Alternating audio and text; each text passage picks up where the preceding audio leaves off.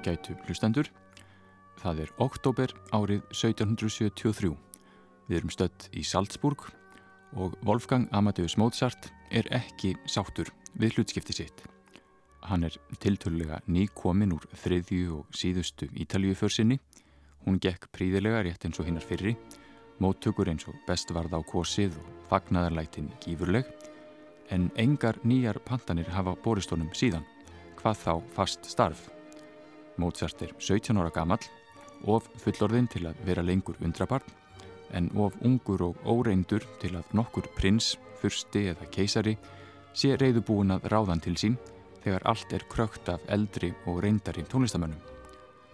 Mozart nefnir það hvað eftir annað í brefum sínum næstu árin hvað hann sé þreyttur á Salzburg, þessum 15.000 manna bæ þar sem allt hverfist um hyrð erkibiskupsins Þar er ekkert óperuhús og fátt að gera sér til skemmtunar, ekki síst þegar maður er orðin vanur stórborgum heimsins með sínar konungshallir og gildu sali. Mozart hefur frá unga aldri vanist fagnadarlátum í óperuhúsum og tónleikasölum, allt frá Lundúnum og suður til Rómar. Þegar Mozart var 17 ára hafði hann verið samtals meir en 6 ár æfisinnar á ferðalögum, en nú róaðist um og næstu fimm árin var hann svo að segja alfarið um kyrt í bænum sem hann hataði. Honum þóttu tækifærin til tónsmíða óspennandi, söngvararnir í bestafalli sæmilegir og íbúarnir þröngsýnir og smekklausir. Kanski má einmitt greina óþreyju og reyði Mozarts í sinfoníunni sem hér hljómar fyrir í G-mól K183. Þetta var fyrsta sinfonían sem Mozart samdi í mól og raunar ekki nema önnur af tveimur mál-sinfoníum hans. Setni hluti átjóndu aldar var nefnilega bjart síni skeið. Tónskáld, rétt eins og aðrir þegnar þjóðfélagsins, voru innblásinn af anda upplýsingarinnar og hugmyndinu um betri heim sem var rétt innan seilingar.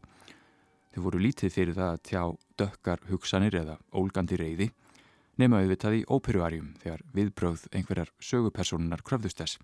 Þá mótti semja reyðiarju eins og það var kallað. Hinn reyna tónlist sem hljómaði í konsertum og symfónium, hún var yfirleitt björst og gladvær. Til dæmis samti Mozart 27 pianokonserta en af þeim eru ekki nema tveir í mól, átján pianosónundur og þar eru einnig tvær í mól. Það er sem sé nokkuð vísta þegar Mozart samti dökka og ólgandi tónlist, þá hafði hver einasti tón alveg sérstaka merkingu.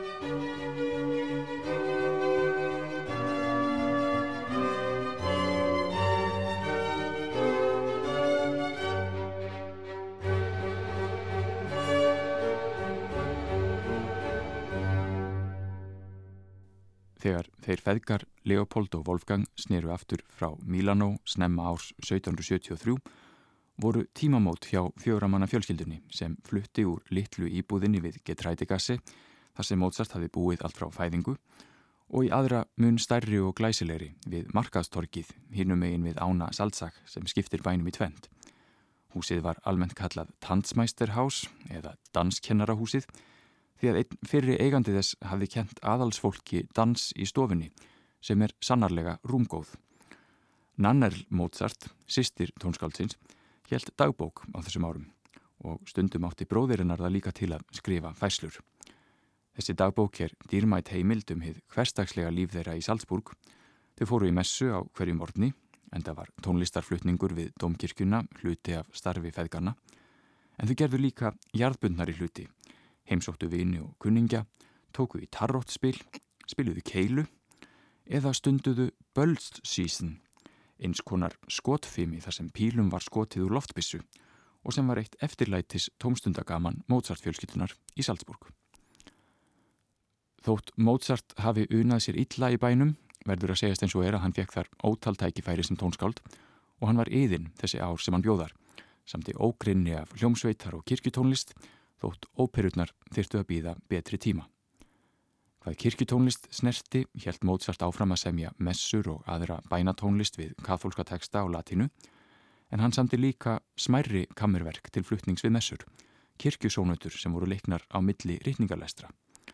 Mozart samti 17 slík verk, einþáttunga sem eru fyrir tvær fiðlur og fylgibassa, oftast í fremur gamaldags stíl sem minnir jafnvel stundum á barokktónlist. Þessi verk máttu heldur ekki vera of laung því að samkvæmt tilskipun erkibiskupsins máttu messur alls ekki vara lengur en í þrjá stundarfjörðunga þegar allt var með talið og kirkjusónutur Mozarts eru því flestar á bylinu þrjár til fjórar mínútur. Einhvern veginn fær maður á tilfinninguna að Mozart hefði frekar viljað semja annars konar tónlist. Littlir einþáttungar fyrir kammerhóp voru fremur lítilfjörlegt verkefni fyrir ungan mann sem hafði þegar samið fyrir glæsilegasta óperuhús Ítalju.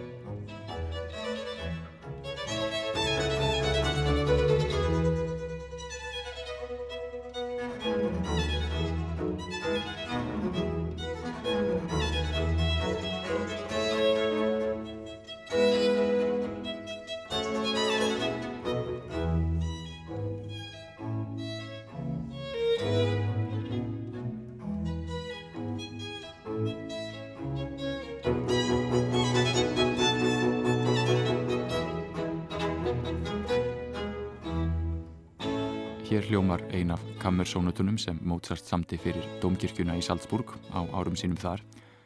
Dæmi um tónlist sem hann samti kannski fremur af skildurækni en innblæstri. Að þessu leiti eru þær undantekning því að margt af því sem hann samti á þessum árum er alveg afburða gott. Það var einmitt á árunum 1774 til 75 þegar Mozart var 18 til 19 ára sem tónlistans fekk aukna dýft og öryggi Hún er vissulega ljóðræn og fögur, rétt eins og áður, en nú er eins og Mozart hafi loks fundið sína eigin rött. G-mól symfónían sem hljómaði hér áðan er eitt fyrsta meistarverk Mozart sem enn lifir góðu lífi, en sama má segja um aðra symfóníu sem var til um svipa leiti. Symfóníur voru príðileg skemmtun við hyrðina og náðu eirum hinna hæst settu í samfélaginu og meðal framúsgarandi verka Mozarts í þessari grein er symfónían nr. 29 í Adur. Hún er algjör andstæða þeirra fyrri. Í stað ólgandi dramatíkur er tónlistin hér ljúf og afslöpuð en líka kraftmikil á sinn hátt þegar svo berundir.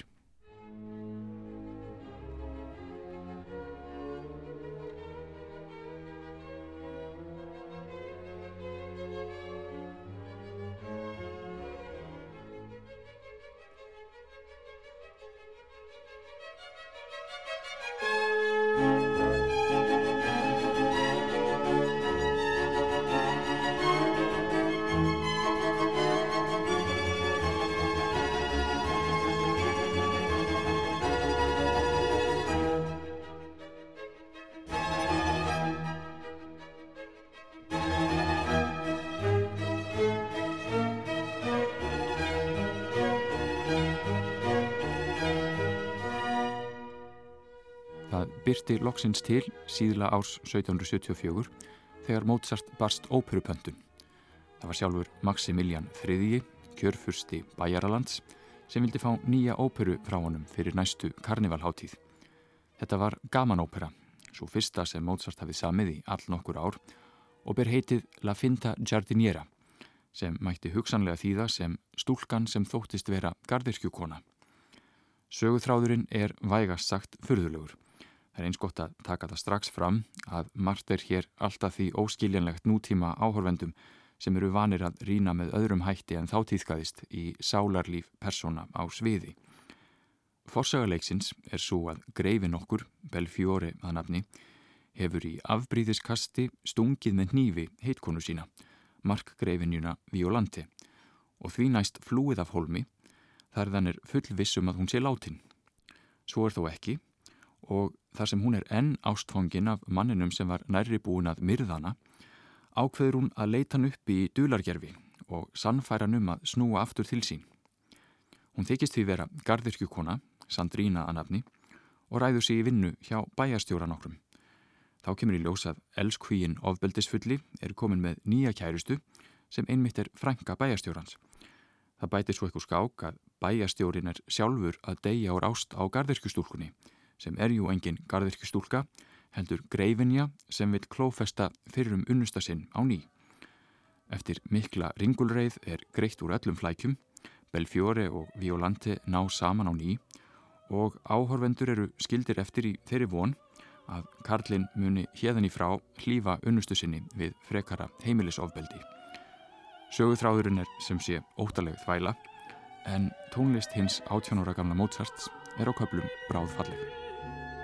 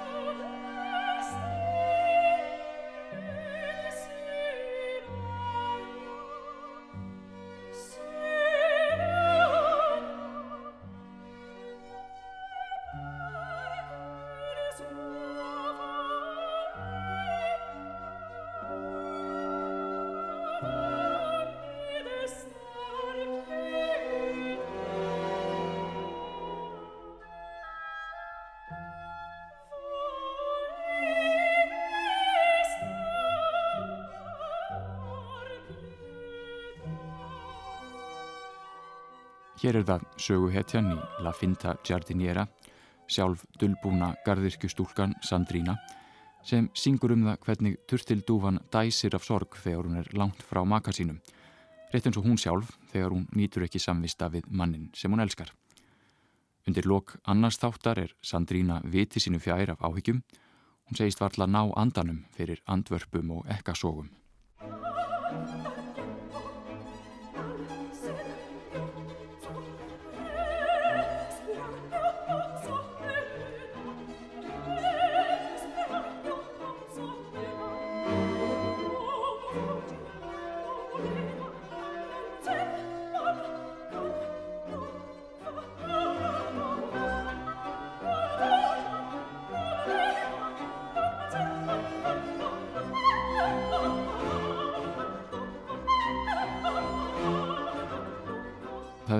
Auðvitað í verkarhing sérkvers góðs óperutónskálds að láta tónlistina fanga ólík skapbrigði og tilfinningar sögupersonana og það var einmitt það sem Mozart tókst svo frábærlega vel í óperunum sem hann samti sem fullþróska tónskáld. Tónlistin speiklar hverja personu fyrir sig, gefur þeim aukna dýft og trúverðuleika. En það voru ekki síst hinn viðamiklu lokaatriði hvers þáttar í gamanóperum sem voru nýmæli í óperuheiminum Hér rennur hvert atriðið inn í þið næsta í ólíkum hraða og tóntegundum og hér fekk Mozart líka góða æfingu í gamanóperunni La Finta Giardiniera sem átt eftir að nýtast honum vel síðar á æfinni þegar hann samti meistarverk á borðið Brúkaup Fíkarós.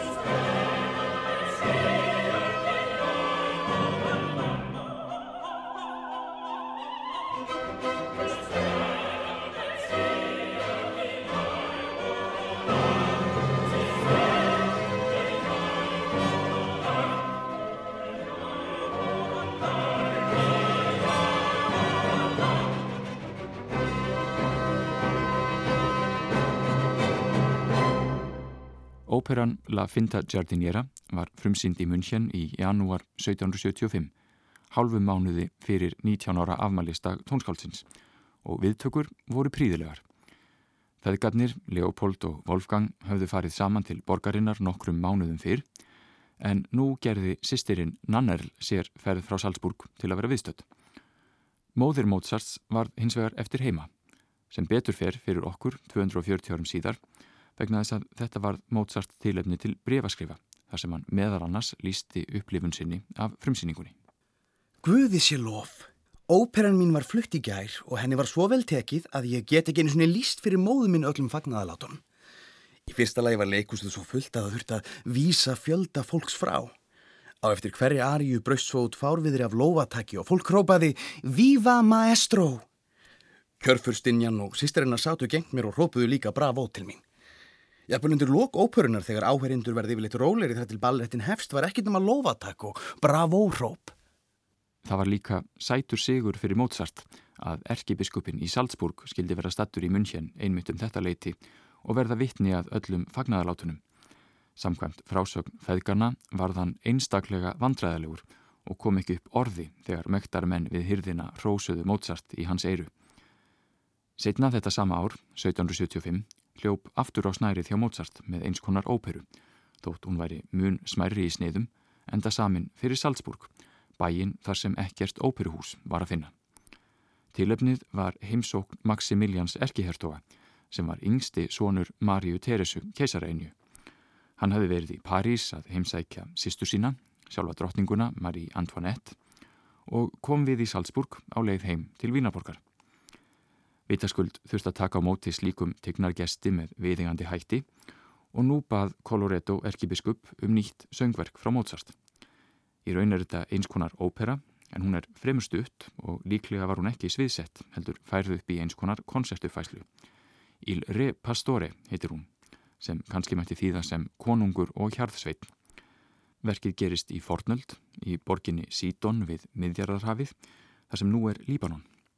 Alexander Mikli hefur nýverið vegið grimman einvald og sölsað landið undir sig en er ákveðin í því að finna rétt borin konung og aðfenda honum krúnuna. Það reynist vera ljúfur og hæverskur hjarðsveitna nafni Aminta og eftir dálittar flækjur sem vitaskuld snúast bæði um ástir og völd fer allt á besta veg.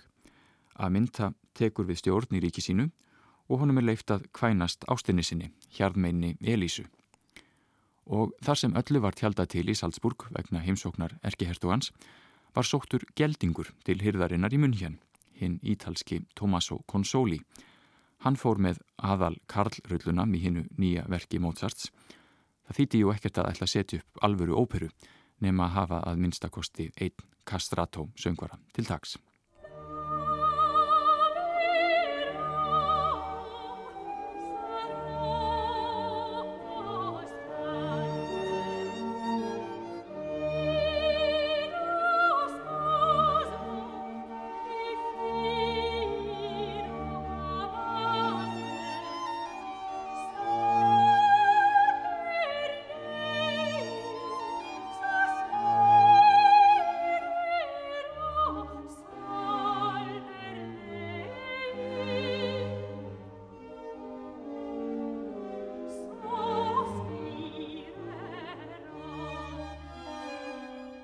Syngur hjarðsveitnin Aminta sem fram til þessa hefur lífað alveg grunnlaus um það að hann sé rétt borin konungur ríkisins um ást sína á hjarðmeinni Elísu, aria úr óperunni Il Re Pastore. Í þessari ariu er fiðlan í öðru aðalhuturkinu og það er kannski engin tilviljun því að Mozart samti óvenju mikið af fiðlutónlist einmitt árið 1775. Þar ber hæst alla fimm fylgukonsertans sem eruðu til þetta ár. Mozart leik að minnstakosti einhverja þeirra ofinberlega en þó er talið líklegast að hann hafi samið á fyrir kollega sinn í Salzburg, ítalska fyrlaran Antonio Brunetti sem var koncertmeistari hýrðhljómsveitarinnar. Þetta eru dásamleir koncertar og væntanlega hafa þeir hljómað fyrst við skemmtanir aðalsfólks við hýrðina. Í dag hafa þessi verk nokkra sérstöðu því að þetta eru einu fyrlukonsertar áratugana frá um 1730 til 1800, það er að segja frá Bach og alveg fram að Beethoven, sem enn eru á efnisgrám koncertfíðlara um allan heim.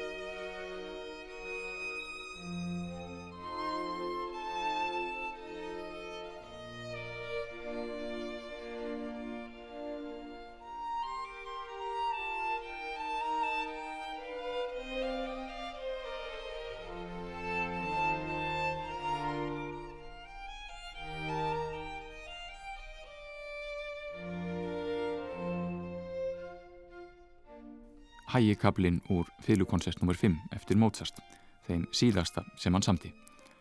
Mozart var sjálfur príðilegur fyrirleikari og starfans í Salzburg var einmitt að leika á fylgu í hyrðljómsveitinni en það var píanóið sem átti hug hans allan. Þegar hann fluttist til Vínarborgar nokkrum árum síðar leik hann stundum á víólu í strengjakvartett með vinnum sínum en ofinberlega kom hann þar aldrei fram nema sem píanisti. Kanski átti hitt styrða sambandans við föður sinn, einhvert átti því að hann lagði fyluna á hilluna. Leopold Mozart var jú einn frægasti fylukennari Evrópu og hljóðfærið því eflust nátengt minningum Mozarts um hann. Hvað sem því líður, tveimur árum eftir að fyllukoncertarnir urðu til, það er árið 1777, samti hinn 21 árs gamli Mozart fyrsta píanokoncertsinn sem er ótvírætt meistaraverk, þann nummer nýju, sem lengi vel var kallaður Jeune Homme konsertin.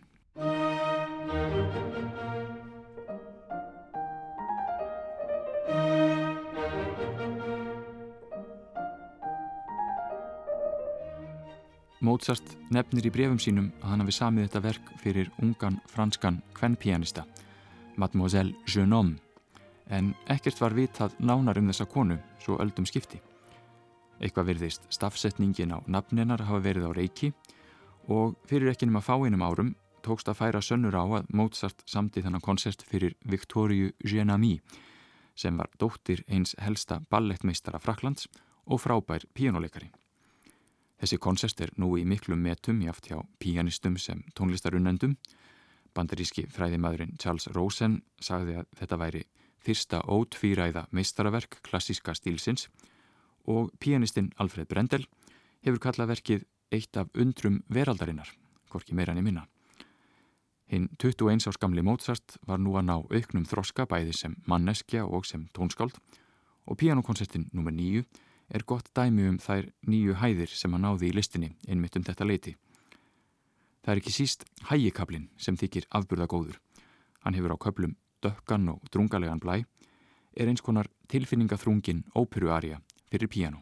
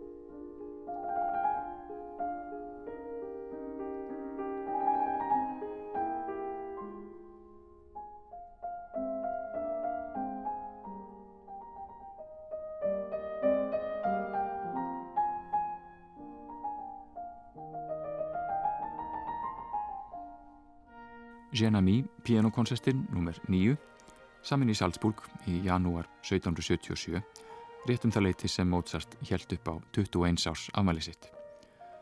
Mozart var við það að gefast upp á smábænum Salzburg og setna þetta sama ár dróð til tíðinda. Mozart vildi skoða heiminn og þeir feðgar höfðu sótt um leiði Colorettos erkibiskups til að halda í enn eina tónleikaferðina. En nú var erkibiskupnum nóbóðið, Mozart fjekka vísu faraleifi en Leopold fadir hans ekki. Enda kannski ekki skrítið þar sem Mozart var orðin 21 árs gammal og fullkomlega færum að fara í tónleikaferðir einn sín sliðs. Eitthvað setti biskupin reyndar líka út á ferðalagið sem Mozart lagði til og afleðingin varð svo að Mozart sagði upp starfi sínu við hyrðina með sérlega auðmjúku brefi til erkebiskupsins dagsettu 1. ágúst 1777.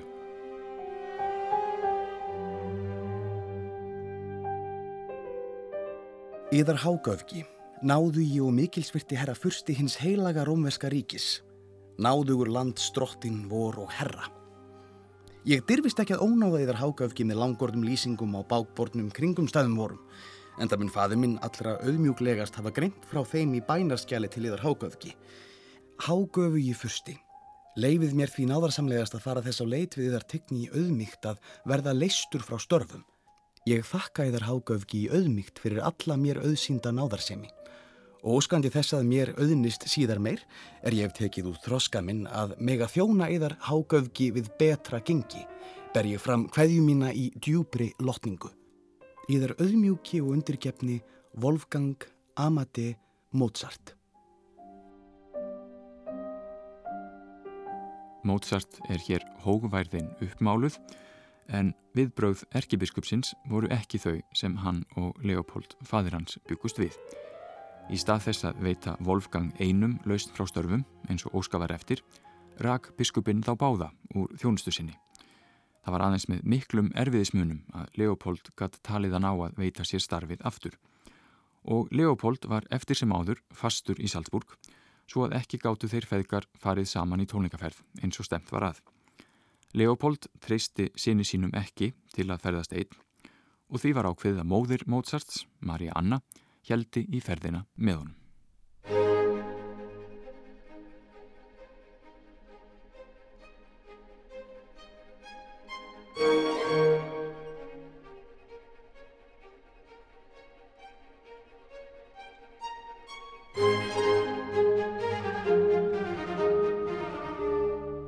Fyrsti áfangastæðurinn var München því að Mozart gerði sér vonir um að þar gæti hann fengið fasta stöðu við hyrð kjörfurstans Maximilians sem hafði jú plantað hjá honum óperuna La Finta Giardiniera ekki svo laungu áður. En það fór allt á annan veg eins og Mozart rakti í brefi til föðu síns. Þegar kjörfustin kom að mér sagði ég við hann. Íðar hátign leiðið mér að varpa mér fyrir fætur íðar og bjóða íður þjónustu mína. Jæja, svo þér eru alfarnir frá Salzburg saði hann. Já, yðartign, alfarin. Ég hafði lengi haft það í huga. Salzburg er ekki rétti staðurinn fyrir mig. Það er hins vegar einasta ósk mín að þjóna yðartign sem eruð svo voldugir. Já, drengur mín, en ég hef enga stöðu laus að handa eður. Mér þykir það leitt, ef einungis einhver stað að veri laus. Já, ég fullvisa yðartignum að ég myndi gera gardin frægan hér í munn hér. Já, en það er til einskis, eh, engin laus staða. Og að svo mæltu, gekk hann burt. Ég neyði mig og hvati. Í München var sem sé enga vinnu að fá og því helt Mozart á samt móður sinni áfram til Augsburgar og Mannheim og loks alla leið til Parísar. Þetta ferðalag mæðginana var mun lengra og erfiðara en ráðgjert hafi verið. Tækifærin virtust allstaðar renna Mozart úr greipum og hvergi bauðst honum starf. Það bætti síðan eitthvað skák að Leopold satt eftir í Salzburg nærið því fróðufellandi af gremju yfir því að fá eitthvað stýra ferli svona síns eins og hann var vanur. Það gæti verið erfitt að gera hinnum kröfuharða Leopold Mozart til geðs, en hún var líka á sinn hátt vorkun.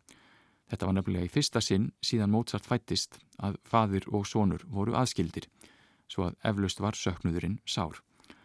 Í brefum sínum reyndi Leopold hvað eftir annað að ráða síni sínum heilt varðandi fjármál, tónleikahald og önnur praktísk atriði og þóttist alltaf vita betur. Til dæmis hafði hann ímislegt um það að segja þegar Mozart var stattur í Mainz og reyndi að fá áheirn hjá valdamesta manni borgarinnar, sjálfum kjörfustanum.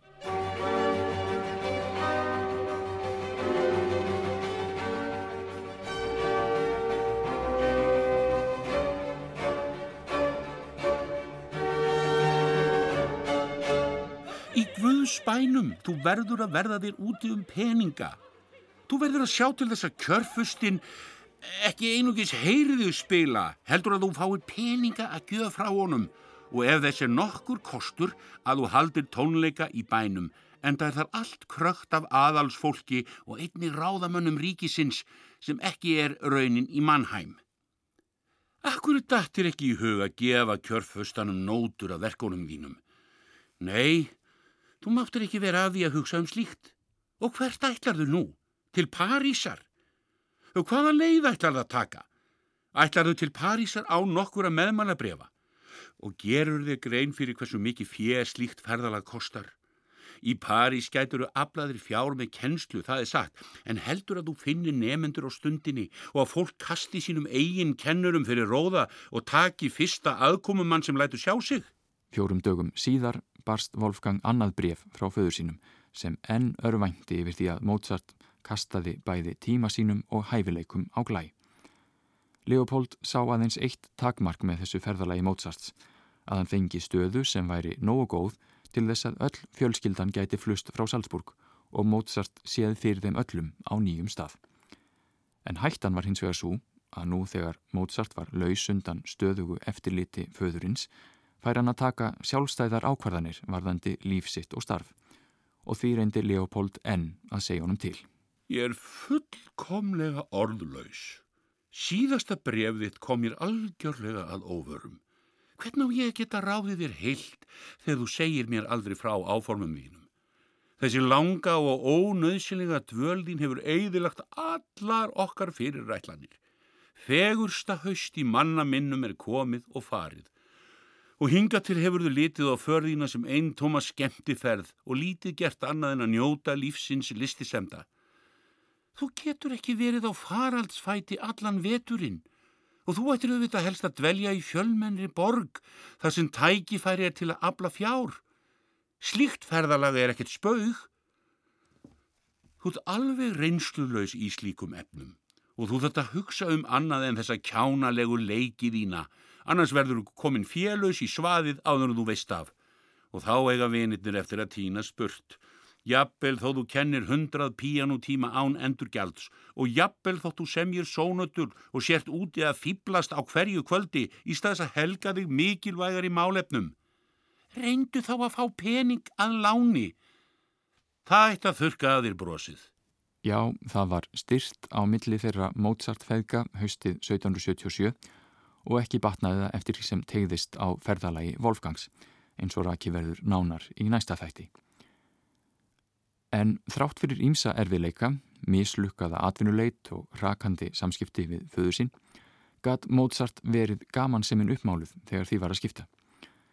Í Augsburg hafðan þetta sama haust stopnað til vinskapar við unga frængu sína sem hétt Marja Anna Tekla og þau skiptust á allmörgum brefum næstu árin.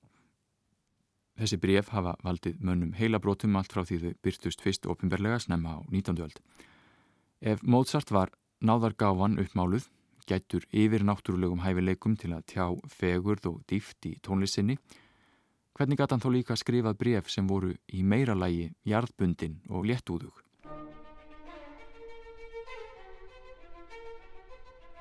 Elskulega kúsína rúsína.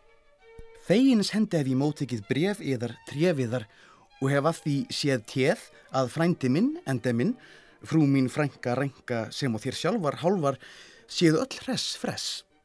Einning okkur líður vel hel, sé Guð þökk klökk. Vonaði þér hafi líka píka fengið bref þref frá mér sem ég postaði, hostaði í mannheim. Því fer betur, betur ferði. Nú kem ég að öðru gafulegra. Það fjekk mjög á mig að herra síra minn, gírafinn, skulle enn hafa fengið snert stert af slægi. Ægi! Vona samt að hann með Guðsjálp gjálp nái sér fái smér Ef en þið segist, reyist, muni halda þar að, sem þér gáðu mér áður en ég fór frá Augsburg og það bráðlega, hálega. Jæja, það myndi vissu pissulega gleði að segja mig. Æ, nú býð ég góða nótt, reki við í beðin svo braki, sofið þér í runni, reki rassað munnist til sælurans mínis nú ég skunda og reyna að blunda. Á morgun munum við saman spjalla og með öllum mjalla. Líðið þau sem best þangað til, en ó, rassin á mér logar sem eldur, hvað er að ske? Leitar máski lortur út? Já, já, kúkarskömmin þín, ég kannast við þig, sé þig og skal býta þig.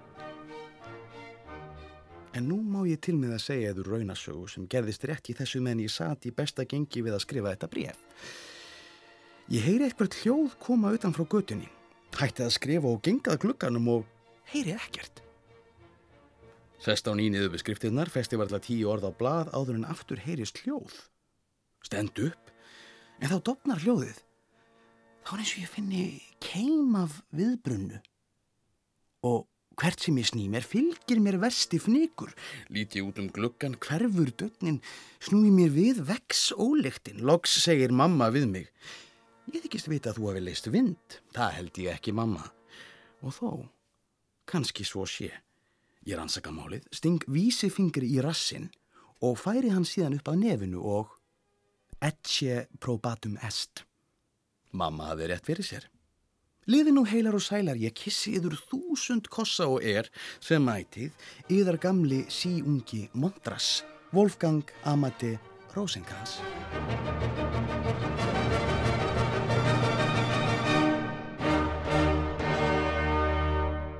Já, góðir hlustendur, í brefum Mozarts til frængusinnar í Augsburg byrstist hann okkur sem lífsglaður humoristi. Hann beitir orðaleikjum af ymsum toga rýmar af áfergju, skrifar orð og jafnvel heilar setningar aftur og bakk. En eitt leiðarstefið í þessum skrifumans og það sem helst fer fyrir brjóstið á sömum mótsastunendum er fremur vafasamur húmor, einhvers konar soratal.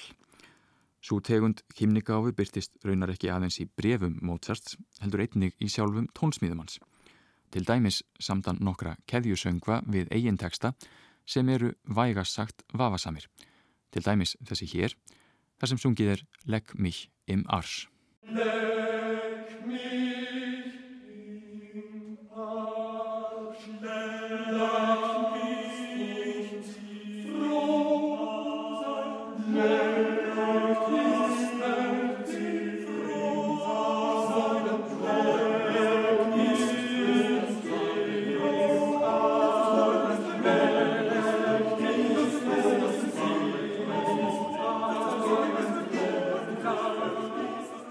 hlýtur að vera einhver léttvægasta tónsmíð sem Mozart festi á blað.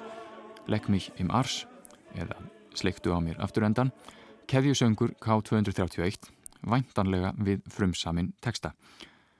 Það var þessi hlýð á Mozart sem varð enska leikskáldinu Peter Schaffer innblástur af karakter Mozarts í leikritinu Amadeus.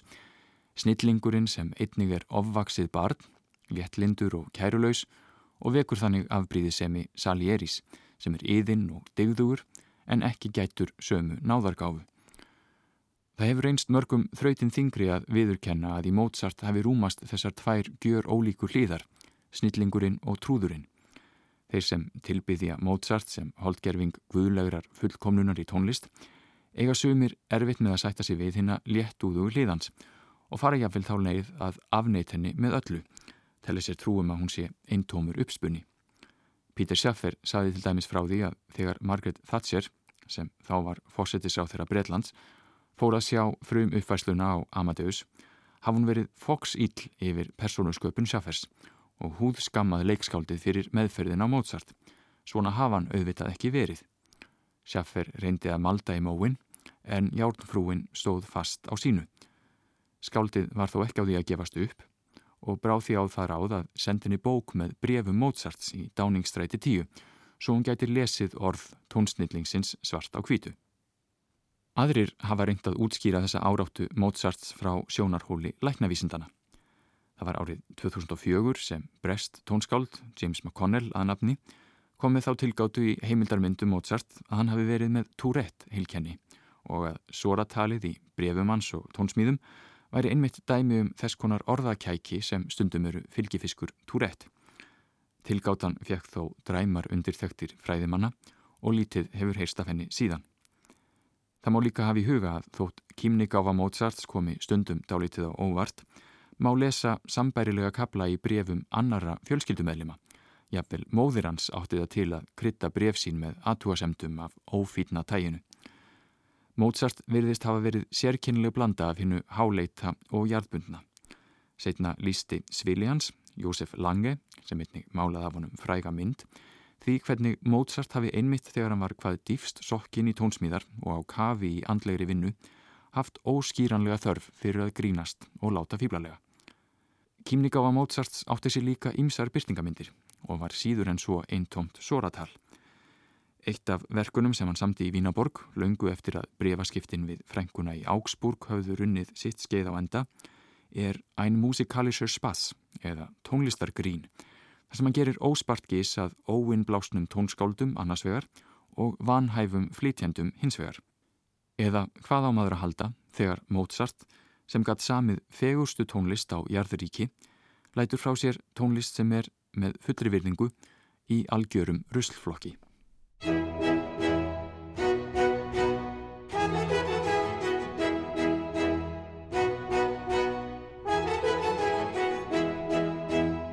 Einhver skildir nú hugsa á þá leið að þetta stef sé nú ekki það besta sem Mozart samti, þá er það auðvitað fullkomlega rétt og til þess var leikurinn gerður. Hér þykist Mozart vera óinn blásinn og kunnáttur lítill tónsmiður og honum tekst bara nokkuð vel upp.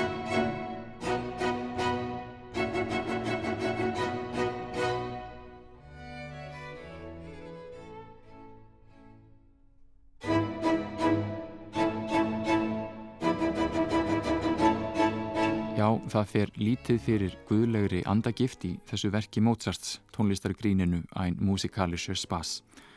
Hér bregður Mozart sér eiginlega í hlutverk fúskarans sem eru verk sem er eintómt háð frá upphafi til enda. Í raun má segja að það sé hálf kvikindislegt af þessu einu innblásnasta tónskáldi allra tíma að gera svo miskunarlaust grín að þeim sem ekki fengu sömu hæfileika í vöggugjöf. Rúsinan í pilsuendanum kemur svo í lokaþættinum sem er leiftur snöggur og fjörugur. Til að byrja með virðist allt í lukkunar velstandi, stefið bara frekar skemmtilegt og Mozart heldur sig á móttunni, að minnstakosti um stundarsækir.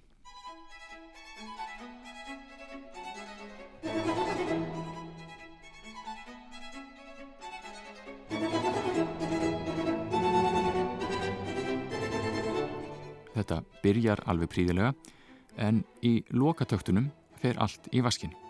Mozart skrifar kólvittlösa tóna í hverja einustu rödd svo það hljómar eins og hljómsveitin fari algjörlega út af spórinu. Útkoman er í stuttumáli sagt eitt allserjar lestarslís.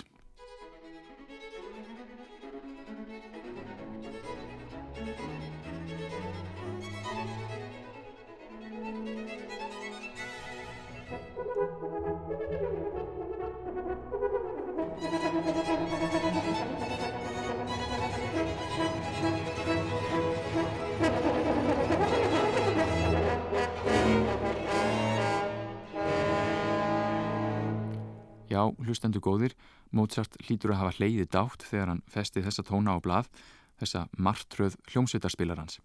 Já, ljótur og ósamtaka endir er vandfundin í gjörvallri tónlistasögunni, en svona líkur sem sagt tónabrandaranum Ein musikalischer Spass. Þetta verk er áminningum það að Mozart var humoristi fram í fingurgóma, Allt fram á síðasta dag varðveittan leiftrandi kýmningáfu sína með fram því sem hann dýfkaði skilningsinn á lífi og list. En þótt Mozart hafi stundum verið hlátur í hug þessa haustmánuði árið 1777 þegar hann skrifaði sín kostulugu bref til frængunar í Augsburg voru áforminum glæsta framtíð sem hýrð tónskáld í einni af höfuborgum Evrópu að renna át í sandin. Ferðans til Parísar hafði hörmulegar afleiðingar og til langstíma voru áhrifin þau að hinn samrýnda músikfjölskylda sundraðist fyrir fullt og allt. Um þetta sásauka fulla skeið vonbriða í lífi Mozarts verður nánarfjallað í næsta þætti. Allar upplýsingar um verkin sem hér hafa hljómað, sem og flýtendur, má finna á heimasíðu þáttarins á rúf.is.